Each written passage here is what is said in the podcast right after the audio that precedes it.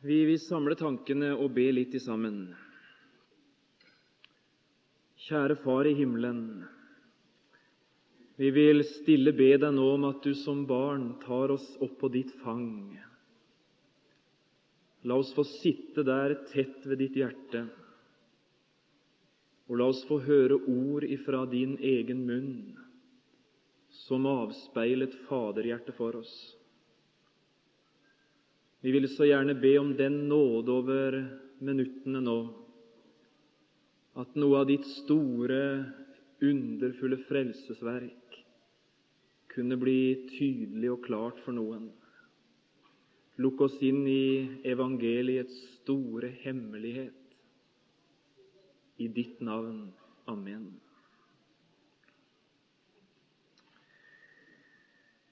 Vi prøvde nå den første bibeltimen å gjøre litt klart hva Bibelen selv legger i ordet hemmelighet.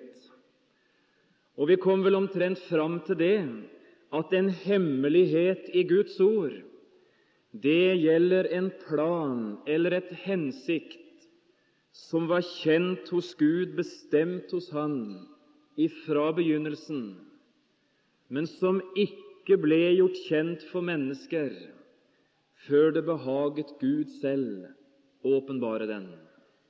Det er hemmelighetenes kjennetegn i Guds ord.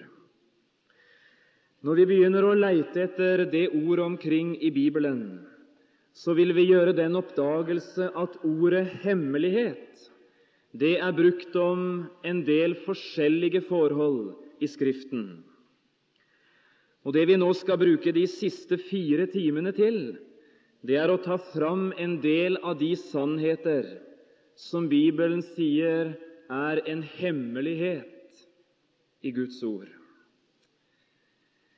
Jeg tror vi finner fram et avsnitt nå fra Kolosserbrevet 1. Og Overskriften både for denne og neste time det er Kristus, Guds hemmelighet. Og Nå hadde jeg lyst, før vi leste noen vers der, å si det kan sitte noen av dere på tilhørerplass nå, kanskje en del unge og kanskje noen ellers, som ikke er kommet til klarhet i ditt frelsesspørsmål. Du er ikke av de som vil være borte fra Gud. Du er ikke av de som har noe imot det Han har gjort eller talt. Det er bare det at du har aldri kommet til klarhet i hvordan din stilling er når det gjelder disse ting. Kanskje var disse to følgende timer nå ment som en særlig hjelp til deg som har bruk for veiledning til fred hos Jesus.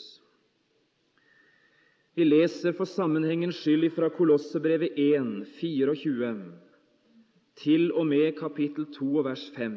Det er noe i sammenheng der som er fint å, å lese. Nå gleder jeg meg over mine lidelser for dere og utfyller i mitt kjød det som ennu fattes i Kristi trengsler, for Hans legeme, som er menigheten. Hvis tjener jeg er blitt etter den Guds husholdning som er meg gitt iblant dere, det vil si å fullføre Guds ord. Den hemmelighet som har vært skjult fra alle tiders og slekters opphav, men nå er blitt åpenbart for Hans hellige. For hvem Gud ville kunngjøre hvor rik på herlighet denne hemmelighet er iblant hedningene, det er Kristus iblant dere, håpet om herlighet. Og ham forkynner vi idet vi formaner hvert menneske og lærer hvert menneske med all visdom for å fremstille hvert menneske fullkomment i Kristus. For dette arbeider jeg òg, idet jeg strider ved Hans kraft, som virker i meg med styrke. For jeg vil at dere skal vite hvor stor strid jeg har for dere, og for dem i Laudikea, og så mange som ikke har sett mitt åsyn i kjødet, for at deres hjerter må bli trøstet så de knyttes sammen i kjærlighet og når frem til hele rikdommen av den fullvisse innsikt, til kunnskap om Guds hemmelighet, det er Kristus, i hvem alle visdommens og kunnskapens skatter er skjult til stede. Dette sier jeg for at ingen skal dåre dere ved lokkende tale. For om jeg enn er fraværende i kjødet, så er jeg dog hos dere i ånden, idet jeg med glede ser deres gode orden og den faste grunn i eders tro på Kristus. Guds hemmelighet, det er Kristus. Når Paulus taler om denne hemmelighet, Kristus, så faller den på mange vis i to deler. Og Jeg hadde lyst til at vi i denne første timen skulle løfte fram Kristus, Guds hemmelighet, den hemmelighet som har med forsoningens rike budskap å gjøre. Når Paulus taler om denne hemmelighet, så sier han, 'Jeg vil at dere skal vite hvor stor strid jeg har for dere.' Det kan se ut som Paulus på mange vis gjør seg møye med, legger vind på virkelig altså å arbeide med, at denne hemmelighet må bli klar. Det kan nesten se ut som han betrakter, den sånn at får ikke folket tak i denne hemmelighet, så blir det ikke noe grunnlag for alt det andre. Jeg strider, jeg arbeider, jeg gjør meg møye med å gjøre denne hemmelighet klar. Så det er en viktig sak vi er opptatt med også denne timen. Det er en viktig sak fordi det gjelder grunnlaget for hele vår frelse og hele vår tro. For å gjøre klart hva denne hemmelighet, Kristus, dreier seg om, vil vi finne fram 1. Timotius i kapittel 3 og lese det 16. verset. Det er det første skrittet imot denne hemmelighet. 1. Timotius 3 og vers 16. Og som enhver må bekjenne Stor er den gudsfryktens hemmelighet. Og så kommer den, kolon. Han som ble åpenbaret i kjød. Han som ble åpenbaret i kjød. Det er som Paulus sier her trekker den evige Gud sløret til side og gir seg til kjenne på en måte som han aldri før hadde gitt seg til kjenne på. Han hadde gitt seg til kjenne mange ganger tidligere, men det var ingen hemmelighet at den evige Gud ga seg til kjenne på Sinai og talte ifra det hellige berg. Han talte mange ganger til fedrene og på mange måter ved profetene, men det var aldri noen hemmelighet på den måten han ga seg til kjenne. Men nå, sier Paulus, stor er den hemmelighet, Kristus åpenbart i kjød. Nå er det som den evige Gud gir seg til kjenne, taler, om du vil, på en måte som han aldri før har gjort. At den evige Gud gir seg til kjenne på denne måten, det har aldri før og kommer aldri seinere til å skje. Han hadde talt til mennesker. Han hadde talt ved mennesker. Men han hadde aldri talt ved selv å bli menneske. Det er denne store gudsfryktens hemmelighet. Nå stiger den evige Gud inn i verden, Nå taler han til oss ved simpelthen å bli menneske. Stor er den hemmelighet, Kristus åpenbart i kjød. I disse siste dager, hebreerne 1.1, har han talt til oss ved Sønnen. Så det er denne sannhet det dreier seg om nå. Gud har talt ved Sønnen, nemlig på den måten at Gud er blitt menneske i Kristus. Ifra julenatt ved Betlehem og fram til Kristi kors så åpenbarer den evige Gud denne store hemmelighet. Og det er i det som åpenbares imellom krybben og graven, at du og jeg finner hele fundamentet for vår frelse, for vår tro. Så dette er viktige saker. Når du og jeg taler til hverandre, så bruker vi ord. Det gjør òg Gud. Og for å komme enda et skritt nærmere denne store hemmelighet må vi til Ordet. Skal vi finne fram det første kapittelet i Johannes evangeliet, Johannes 1. Og Så prøver vi nå å spasere noen skritt i Guds ord helt inn i sentrum av denne store hemmelighet, Kristus, Guds hemmelighet. Vi bare leser noen spredte vers, og så følger du med. I begynnelsen var Ordet. Og Ordet var hos Gud. Og Ordet var Gud. Han Han var Hvem han? Ordet. Han var i begynnelsen hos Gud. Og så gjøres vi kjent med et guddommelig ord. Han. Guddommelig som Gud selv. Evig som Gud er evig. Han som i begynnelsen var hos Gud. Ordet, ser du, det er en person i Gud, evig og guddommelig som Gud selv. Vi leser videre.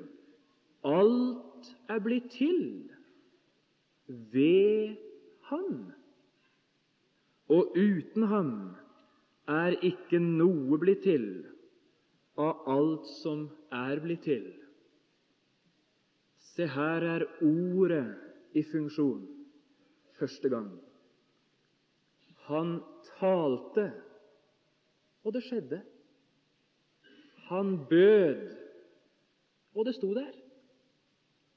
Skapelsens mesterverk, det er Ordets mesterverk.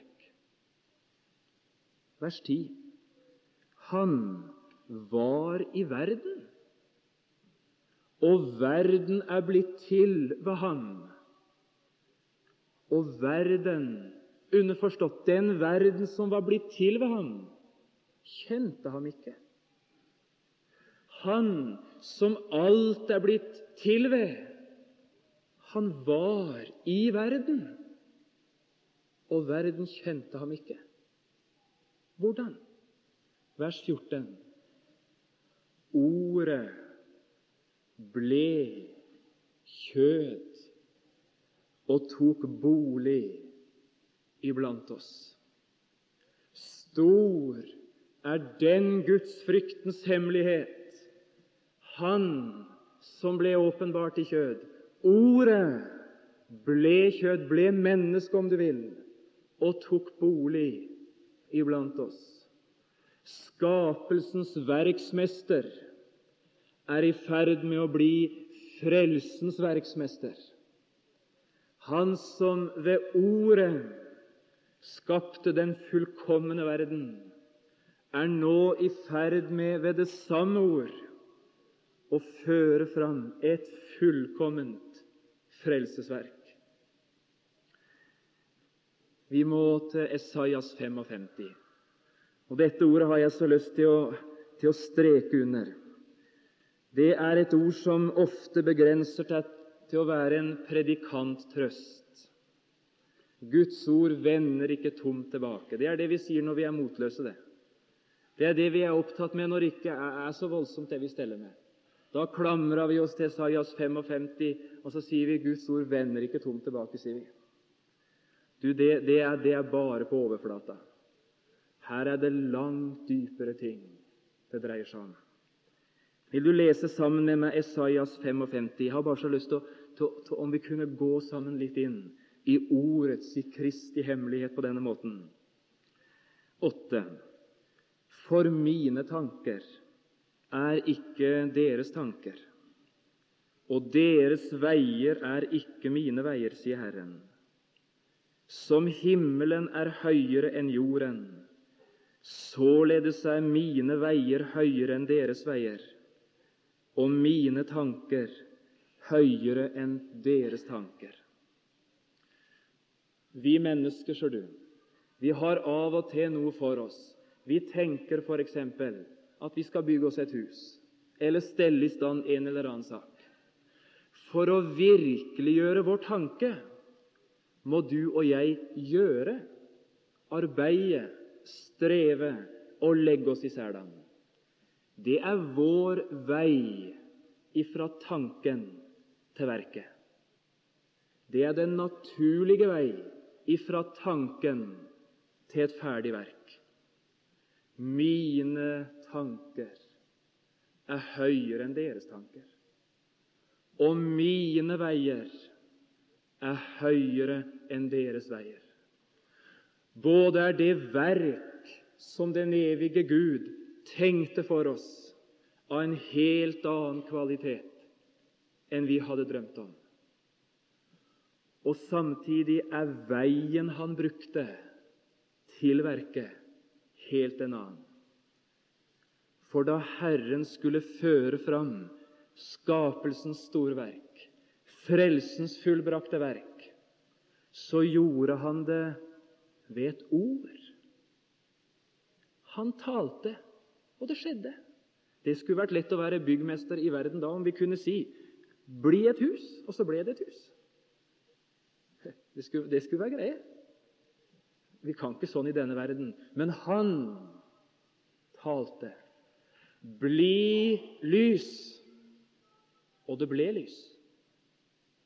Og som han talte i skapelsens mesterverk, talte, og det skjedde, så har han i disse siste dager talt ved Sønnen.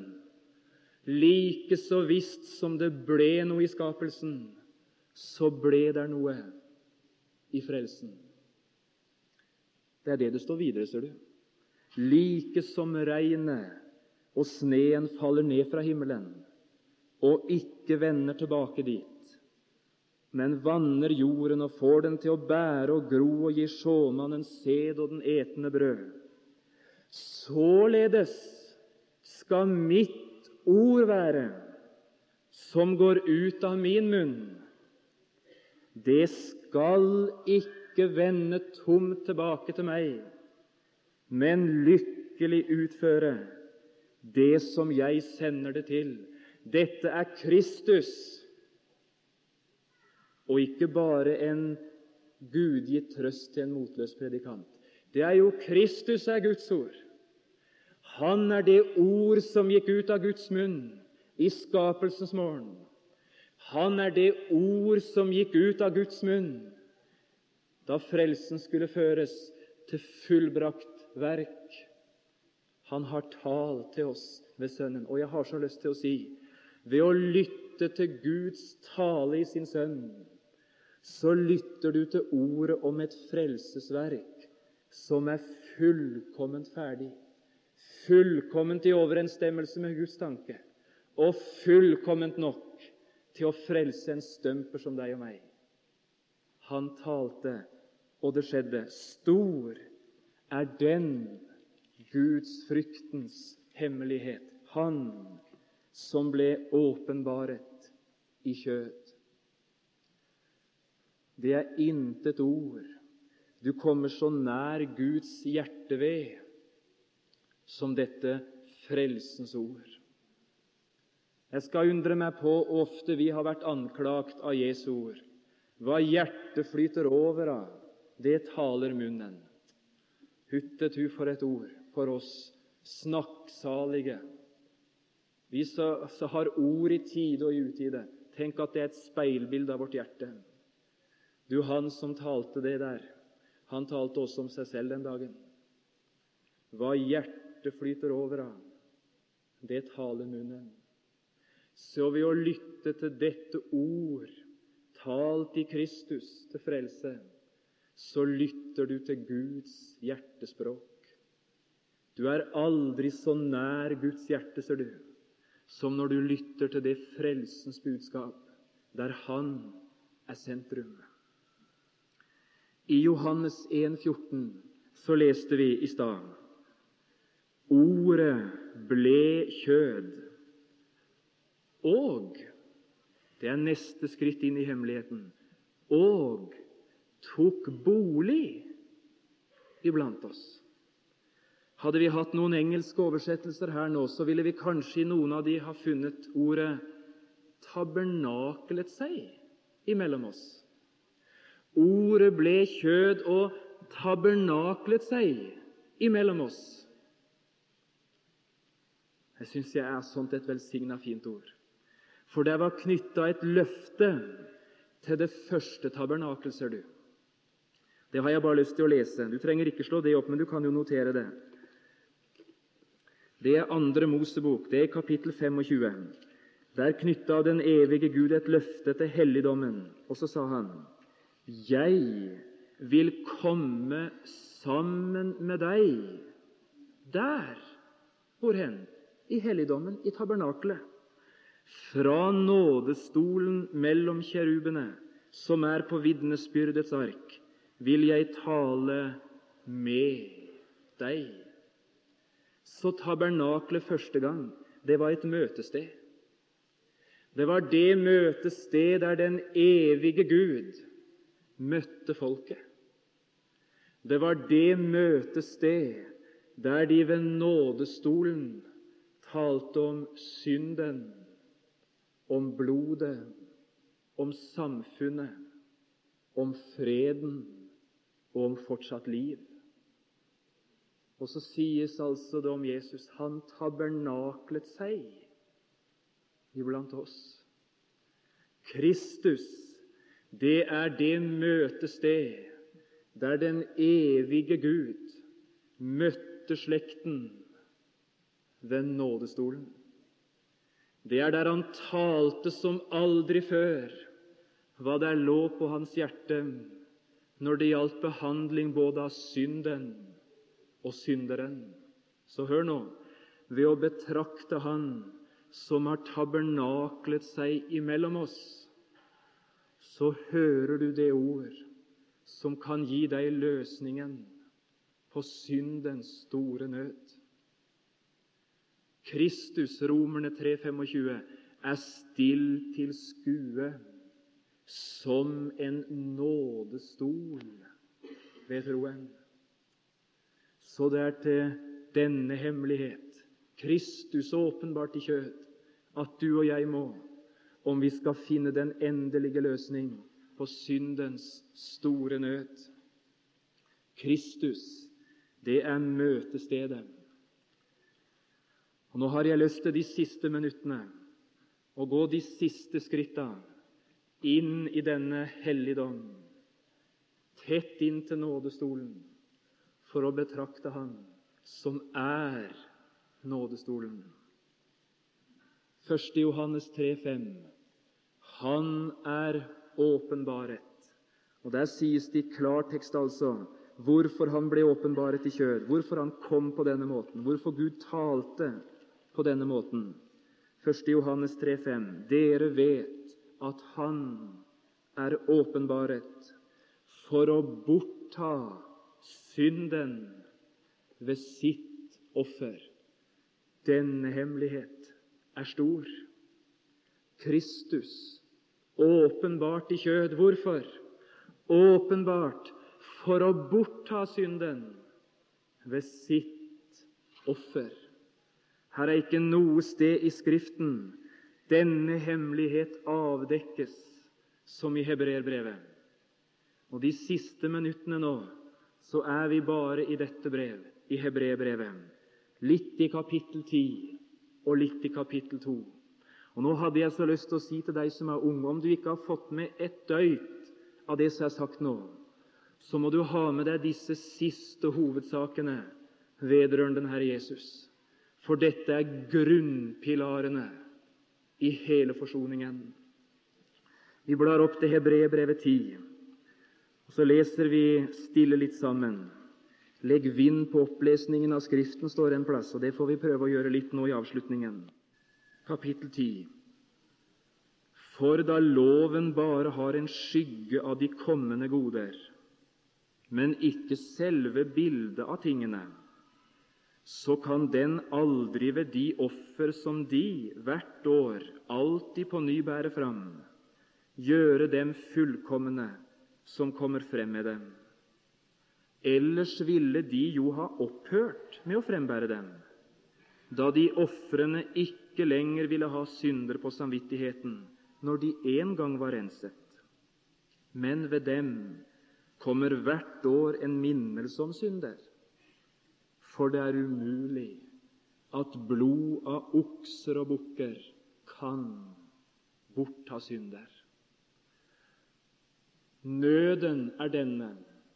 Alle har syndet og fattes Guds ære. Tragedien er denne.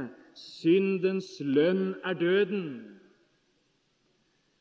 Til et syndemerket og dødsmerket folk, byen av den evige Gud, og rekke frelsesforbildene. Du legger merke til det ordet som er brukt skygge. Her er et velsigna fint ord. Åssen kommer en skygge i gang i stand? Jo, ved at lyset rammer en gjenstand, så faller der også en skygge, ikke sant? Vet du hvorfor, vet du hvorfor det er så få som ser skyggen i Det gamle testamentet? Det er så lite lys over gjenstanden Kristus.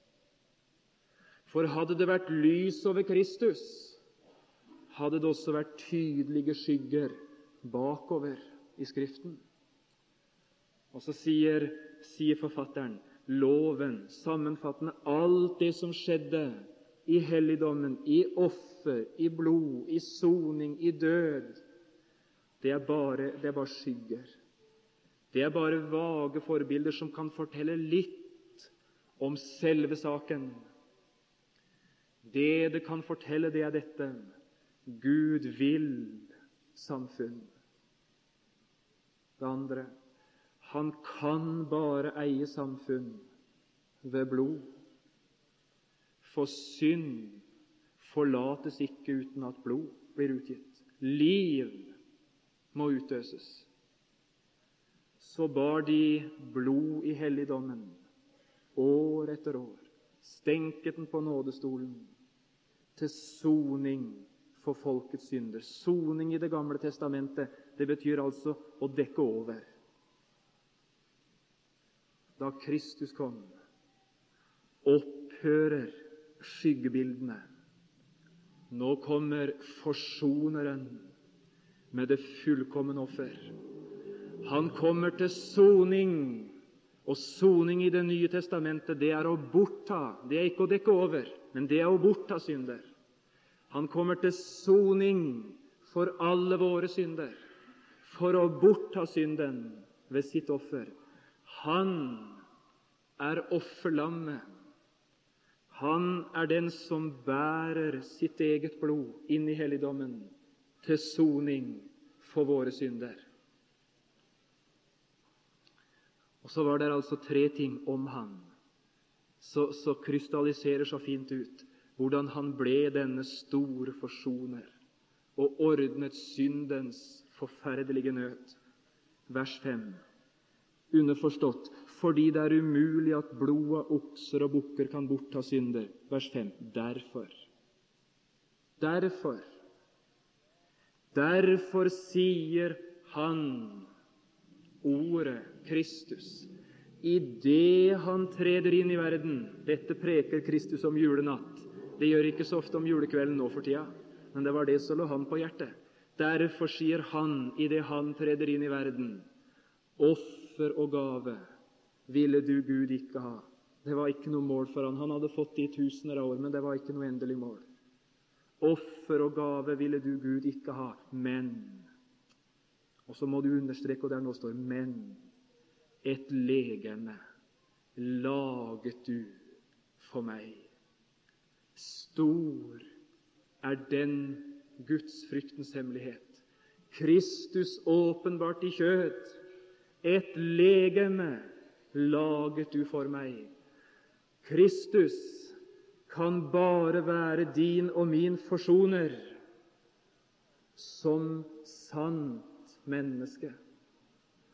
Han måtte bli et menneske som oss om han skulle kunne være vår stedfortreder og frelser. Fram til kapittel 2 og vers 14. Der er det utdypa, og så ser du det. 2.14. Ettersom da barnene Det er menneskene, deg og meg. Ettersom da barnene har del i blod og kjød, er mennesker av kjøtt og blod, med andre ord, fikk også han i like måte del i det. Vers 17. Han måtte i alle ting bli sine brødre lik. Nå har jeg lyst til å spørre Ser du hvorfor han måtte bli et menneske som deg og meg? Ser du det? Har det en hemmelighet gått opp for deg at Kristus måtte bli en av oss om han skulle kunne være vår frelser? Det ligger i vers 16. Det er ikke engler han tar seg av, ser du, men det er Abrahams barn. Og hør nå din og min situasjon som ufrelste var jo denne vi levde med synd på oss og var skyldig til dødsdom. Det var tragedien. Skulle Jesus kunne frelse deg og meg fra denne dommen, så måtte han få den dommen bort. Han måtte sørge for at den dommen aldri rammet oss. Og den eneste måten det var ved selv å gå inn under denne dom. Hør nå det er umulig å korsfeste en engel. Det er umulig å korsfeste en ånd. Derfor sier han et legeme laget du for meg. Hvorfor det? Vers 14 igjen i slutten. For at han ved døden kunne gjøre til intet han som hadde dødens velde, det er djevelen. Og utfri alle dem som av frykt for døden var i trelldom all sin livstid. Det er det guddommelige foran. Å, men han er et sant, et virkelig, et reelt menneske, kledd i kjøtt og blod, og han måtte være det. Stor er den Guds fryktens hemmelighet men han måtte være mer. Hvis du ser i det niende verset, så står om han den som var gjort lite ringere enn englene, Jesus, han ser vi. Ja, gjør vi det? Ja, vi gjør. Fordi han led døden. Og så kommer det noe. Han led døden kronet. Han som led døden, han led som en kronet, kronet med herlighet og ære. Dere som har den nye oversettelsen her, jeg går ut fra en del har det. Dere ser at dette verset er forandra.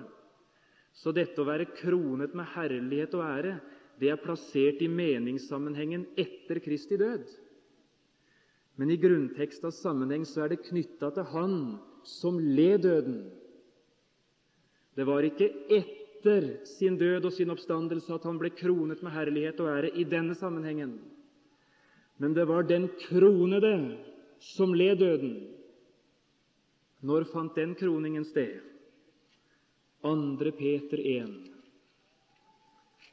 Her er øyenvitnene. Vers 17. 2. Peter 1, 17. For han fikk ære og herlighet av Gud Fader idet en sådan røst kom til ham fra den opphøyede herlighet. Dette er min sønn, den elskede, i hvem jeg har velbehag. Og denne røst hørte vi. Har du hørt den, Peter? Ja, jeg har hørt den. Og jeg var ikke den eneste som hørte den. Jakob var der, og Johannes. Denne røst hørte vi komme fra himmelen da vi var sammen med ham på det hellige berg. Kan du huske det? Da de var på berget og Kristus Jesus ble forklaret for deres øyne, da lød en røst fra den opphøyde herlighet. Dette er min sønn, den elskede, i ham har jeg velbehag. Og hør nå, det er det eneste mennesket i denne verden som himmelen ubetinget har kunnet sagt det om. I Han har jeg velbehag. Han har vært min lyst og min glede i evigheten. Han er min lyst og min glede like fullt i dag. Like tilfreds som Gud var med sin sønn før han kom Like tilfreds var han med sin sønn hele veien fram mot korset. Han som er Guds ord, Kristus, han var ikke bare et sant menneske, ser du, men han var et syndfritt menneske. Han var rein. Det var ingen synd i ham, og det var ingen synd på ham. Det var ingen synd i hans natur, som noen sier. Og der var ingen synd som lå på han til skyld og til fordømmelse. Ren var han. Hebreerne 7, 26. En sådan ypperste prest måtte vi òg ha. Hellig, ren, uskyldig. Hvorfor? For bare som den syndfrie kunne han ta de andres syndebør. Bare som den reine kunne han bære slektens urenhet. Bare som den hellige kunne han gjøre seg til ett med deres vanhellighet og synd. Dette er stedfortrederen. Vil du høre det? Du som er vanhellig og som sliter med synd og med anklage. Du har fått en frelser som er helt annerledes enn deg. Prøvet har han vært i alle ting sånn som du, men han er uten synd. Det var derfor han kunne gjøre dine synder til sine synder og bære en Barabbas sitt kors helt til det siste. Spikres fast og fullendes som frelsens høvding, vers 10, gjennom lidelser, stedfortredende såret for våre overtredelser, knust for våre misgjerninger. Han som var et sant og et syndfritt menneske, han ble et knust og forbannet menneske for min skyld. Stor er den Guds fryktens hemmelighet, han som ble åpenbart i kjød, for å bortta synden ved sitt offer. Og så henger han der som lynavlederen under himmelen, ubeskytta. Og så rammer Guds vredes dom han. Og så står der en flokk med unnsluppende. De har tatt sin tilflukt til Kristi kors. Og da vredens lyn raser ned, så står de der under korsets trygge lynavleder. Du gikk for meg en blodig sti, men jeg, som skyldig var, slapp fri. Stor er den Gudsfryktens hemmelighet. Vil du høre det nå til slutt? Alt som skal gjøres til frelse ifra dine synder, det har Gud gjort i en annen. Og alt som skal gjøres til frelse for deg, det er gjort, og det er gjort ferdig. Din del er å tro det og takke. Frelsens vei, det er veien inn til det kors som forteller mitt skyldbrev er utslettet, min regning er betalt. Han naglet etter korset den gang han sonet alt. Kjære unge venn, du som sliter med, med frelsesvisshet. Stor er den hemmelighet. Nå må du betrakte den. Nå må du feste blikket på den. Nå må du suge det til deg. Det var for min skyld. Å, må Herrens ånd ta dekket bort, at syndere får se, at det som er ved Sønnen gjort, gjør sjelen hvit som sne. Ingen av dem som tar sin tilflukt til Han, dømmes skyldig. Herre Jesus, vil du avdekke denne store gudsfryktens hemmelighet, Kristus åpenbart i kjød. Vi vil prise deg, Fader, at du talte til oss med en slik røst og i et sånt ord. Vil du la det være fylt med en slik varme at det kunne smelte et kaldt og hardt hjerte at det kunne lyse i en mørk sjel, at det kunne være frigjøringa for en bundet fange. La det undre skje. Amen.